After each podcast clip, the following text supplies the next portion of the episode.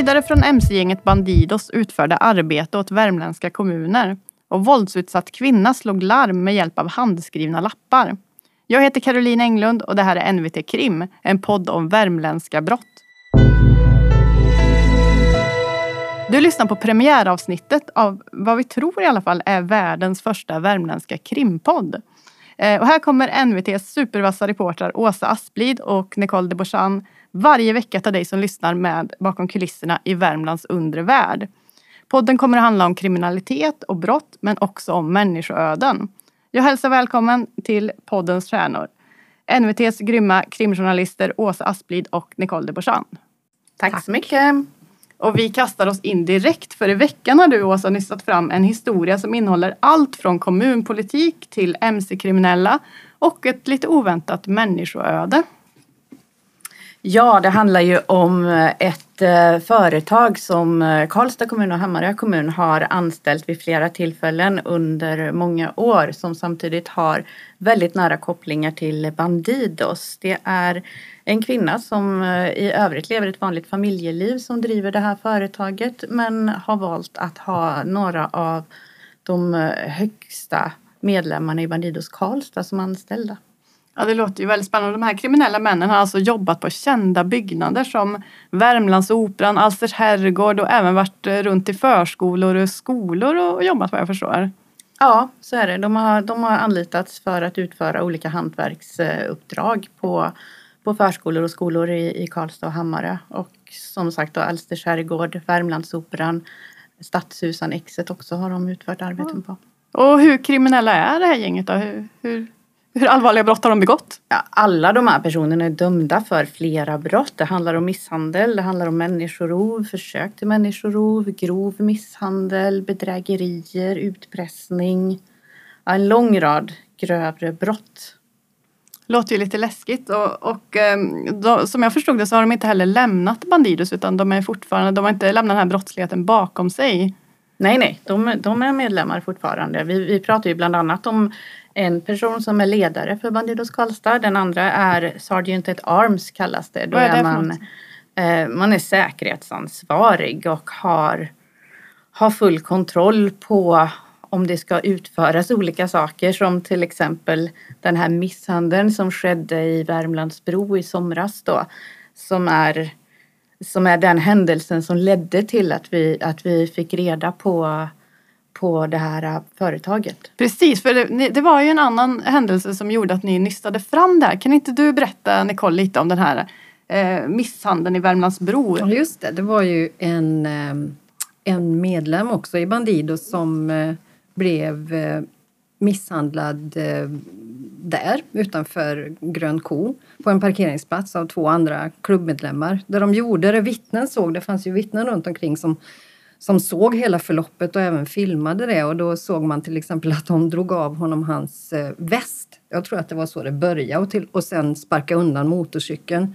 Och mm, jag har pratat med en MC, eller gängkriminell eh, expert på gängkriminalitet som, som eh, sa att det där har en symbolik då att man, då är man out liksom, i bad standing som det heter.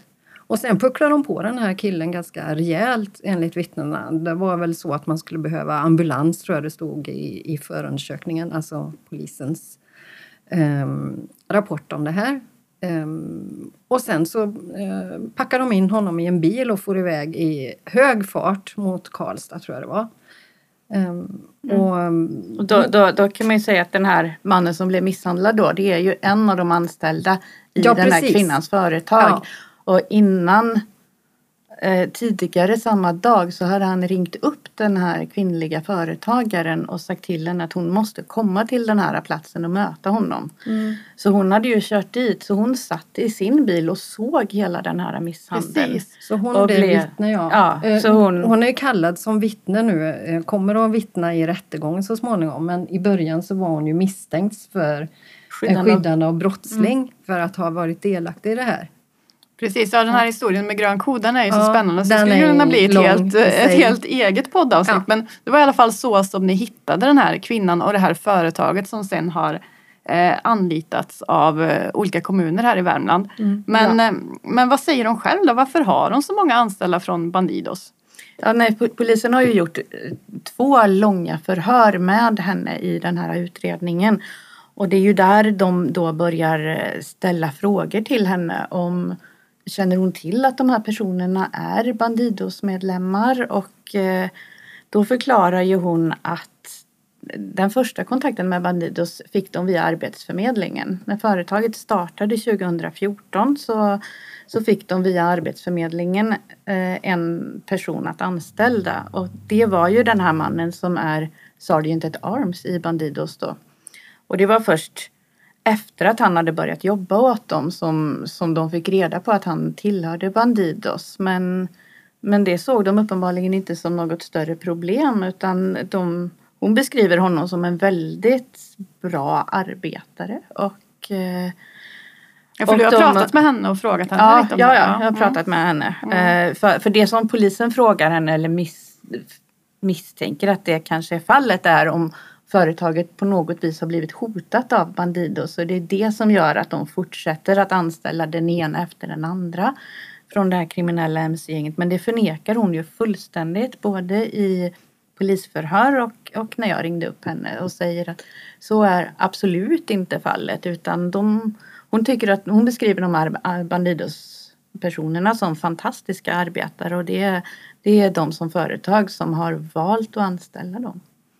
Ja, det är ju väldigt spännande det Man tänker att få någon från Arbetsförmedlingen och sen mm. visar det sig att det är en gängkriminell. Jag undrar hur vanligt det är. Vad tror ni om det? Jag tycker att det är lite märkligt att Arbetsförmedlingen, att de ens går till Arbetsförmedlingen eftersom de kallar sig för enprocentare vilket betyder att de liksom står utanför alla samhällets normer och regler och sådär och sen att de traskar iväg till Arbetsförmedlingen verkar ju lite märkligt Mm. Och nästan komiskt mm, faktiskt. Ja. Då kan man ju även tillägga den här kvinnliga företagaren då när vi frågade henne om hon inte såg något bekymmer med att ja, ha Bandidos anställda så, så var ju hennes kommentar att, att nej det påverkar inte deras verksamhet någonting utan det med Bandidos det tillhör deras eh, fritid. Eh, men det argumentet köper ju inte Per Lundbäck som är chef för polisens underrättelsetjänst i Region Bergslagen. För, för som han säger då att Bandidos är en, tillhör den gruppen som är att, äh, säger sig vara en, tillhör den här ja. enprocentsmiljön då som, som medvetet har valt att ställa sig utanför samhällets normer och värderingar. Och äh, ja, han, han menar ju på att det gör man inte bara på fritiden Nej. utan Nej, det, är, det är ett synsätt man också, har. Mm. Sen blev hon ju också indragen eh, i ett rättsfall här mm. eh, på grund av sina anställda. Så att på något sätt har det ju påverkat henne kan man ju säga. Ja. ja. Eh, och sen har ju då alltså både Karlstads och Hammarö kommun anlitat det här företaget. Eh, hur anmärkningsvärt är det tycker ni? Men det är ju väldigt anmärkningsvärt att en kommun anställer ett företag med så nära kopplingar till eh, ett kriminellt gäng. Och när jag pratade med, med eh, kommunpolitiker och eh, kommuncheferna i respektive kommun så, så blev ju de väldigt ställda också. Det här var ju inte uppgifter de kände till själva överhuvudtaget. Men bland annat Karlstad nu mm. har ju meddelat att de ser ju över sina eh, rutiner för att anlita underleverantörer då för sånt här ska inte kunna hända. Samtidigt, Samtidigt är det ju svårt. jättesvårt. Hur ska man kolla varenda människa som kommer och gör ett jobb åt ett företag? Man, man kan ju kolla ledningen, att de inte är med i någon kriminellt gäng. Kanske, för det är inte säkert. Om de inte är dömda så kan ju det vara ganska svårt också. Men att kolla upp varenda Ja, man kan ju vara vikarie ja, eller en, en av de här Bandidos-personerna var ju praktikant till exempel mm. i företaget. Ja, det kanske inte är så man Kolla, hur, hur, gör ni själva om ni ska anlita någon? Har, Kollar ni upp eh, domar och sånt? nu egentligen, men, eh, men man får ju ta på rekommendationer och hoppas på det bästa. Hoppas att det inte är Bandidos. Ja. Mm. Man kan ju inte gärna ställa frågan kanske till dem. Jag vet inte. Precis. Ja, men det här är i alla fall en superspännande historia som jag hoppas att vi får höra mer om hur det går här med det här eh, rättsfallet och företagaren och, och hur kommunerna kanske skärper sina rutiner nu mm. efter ditt avslöjande. För företagaren har ju, hon har ju inte, det är ju inget brott Det får Ja, man ju precis. ändå vara tydlig med. Att Mm. Hon har ju inte begått ett brott som har anställt Bandidos-medlemmar. Nej, Men precis. eh, däremot så är det väl olämpligt kanske att kommunen betalar eh, Bandidos ja. löner med våra skattepengar, så kanske man kan säga. ja, Ja. så kan man. Och sen, sen, sen kan man ju även poängtera att det här företaget gör ju merparten av deras jobb eh, går ju mot privatpersoner och eh, privata företag. Så här, det, det är ju väldigt, det har varit bostadsrättsföreningar som har anlitat dem till exempel. Och så, men ja, jag vet inte. Eh, Som, som privatperson, man skulle ju inte bli glad om man visste att man hade Bandidos president. hemma Nej, det vill man inte ha runt husknuten Nej. direkt. Men eh, själva hela den här brottsutredningen, det är ju bara handlar om en misshandel till slut. Eh, Ja, det här första. Ja, precis. Så det, ja. det, det kommer inte upp i rätten på, Nej, på länge skulle jag tro eftersom ingen sitter eh, häktad och Nej, sådär. precis. Men vi, vi följer det här Ja, såklart det och vi kommer att berätta mer om vi Mm. får höra något mer. Men nu tycker jag vi går vidare. Och nu till nästa historia. Det här handlar om en kvinna från Nordvärmland som blev kontrollerad och misshandlad av sin man. Tyvärr är ju det här en historia som är ganska vanlig och det, ofta blir det knappt en notis i tidningen. Men här var det en detalj som fångade din uppmärksamhet Nicole när du läste om åtalet. Vad, kan du berätta vad var det för någonting? Ja, men det var ju när jag tittade på vilket bevismaterial eh, som åklagaren åberopade i det här fallet. För det handlar om en grov kvinnofridskränkning och det är, det är tyvärr jättevanligt då. Det är en man som under lång tid har utsatt sin eh, fru för misshandel och olaga hot och mm, eh, kränkningar. Han har slagit henne, klippt av henne håret vid något tillfälle, vridit om näsan. Alltså egentligen då inte jättegrova brott var för sig eh, men sammantaget så, så blir det då det här grovt kvinnofridskränkning och det är ganska vanligt. Men i stämningsansökan, alltså åtalet som eh, åklagaren hade lämnat in så, så fanns det med i bevisningen ehm, lappar, eh, som, handskrivna lappar stod det som, eh, som hon hade lämnat in då för att påkalla hjälp. Och det var det som jag tyckte var intressant då och begärde ut eh, från tingsrätten. Vad stod det på de här lapparna? Ja, jag har ju dem här. Eh, hon har skrivit liksom på vad hon har kunnat komma över. Det är på en annons från, eh, om en kvinnojour. Det handlar om, hon har skrivit på en receptförnyelselapp. Och, och så. Och där hon har skrivit då, hon slängde ner den här lappen i brevlådan på sin vårdcentral. Och hon skriver till exempel um, uh, Hjälp mig, snälla hjälp mig. Um, kan ni hjälpa mig? Eh, det, det är helt desperat allting. Gud, här ser jag också. Ja. Har ingen telefon står det Ja, här. Min precis. man slår mig. Ja. Hjälp, hjälp, Mm. hej. Hon har Oj. skrivit härs och tvärs över det. Man, man anar liksom verkligen Det desperationen blir och ju svårt att gå, hjälpbehovet. står det i ett hörn här också. Ja, och sen eh, ring polisen och kvinnojouren, snälla.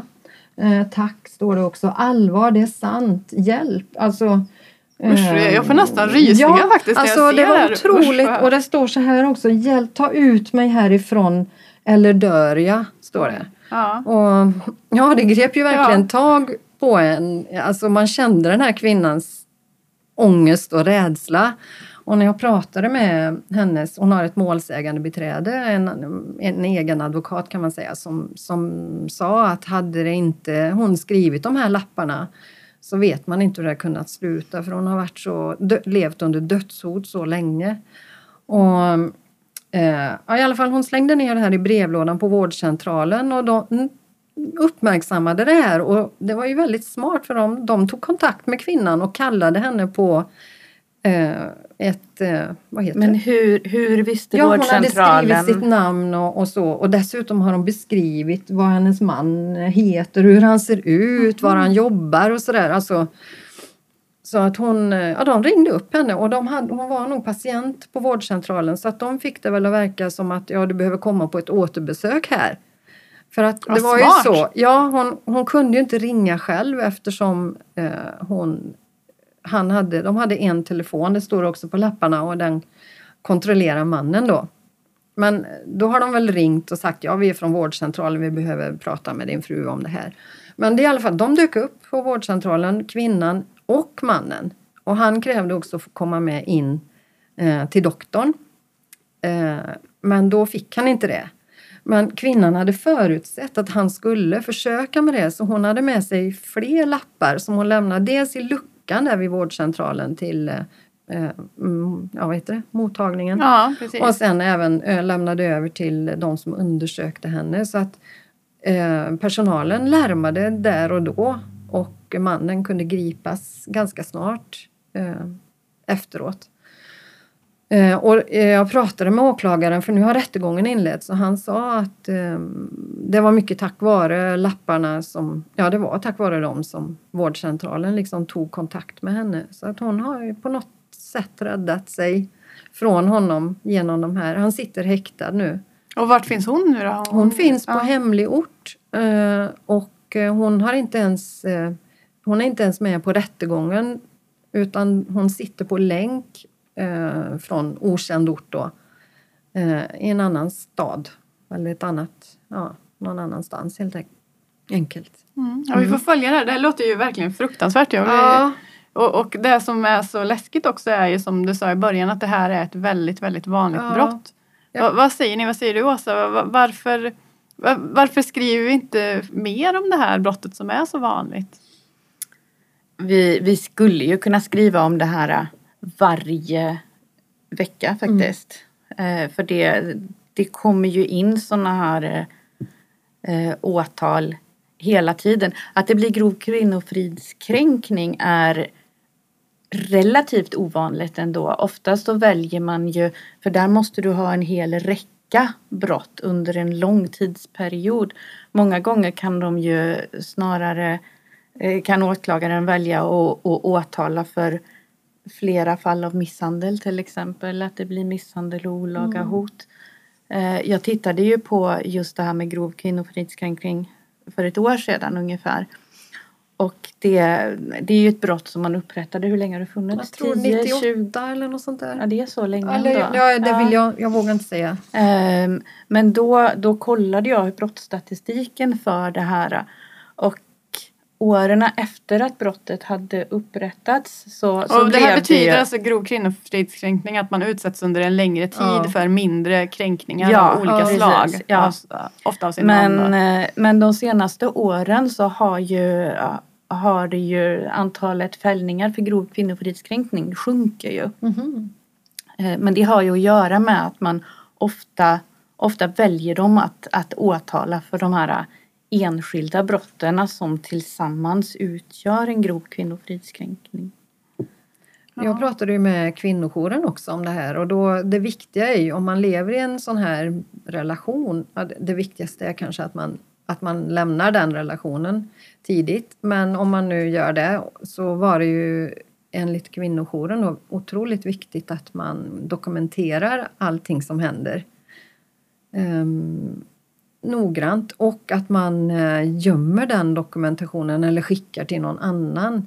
Då kan det ju vara allt liksom från att någon säger till dig att du är så jävla dum eller och till slag. Och då ska det gå på detaljnivå sa, sa den ordföranden, eh, verksamhetschefen på kvinnojouren att eh, var det slog han dig med öppen hand eller knuten?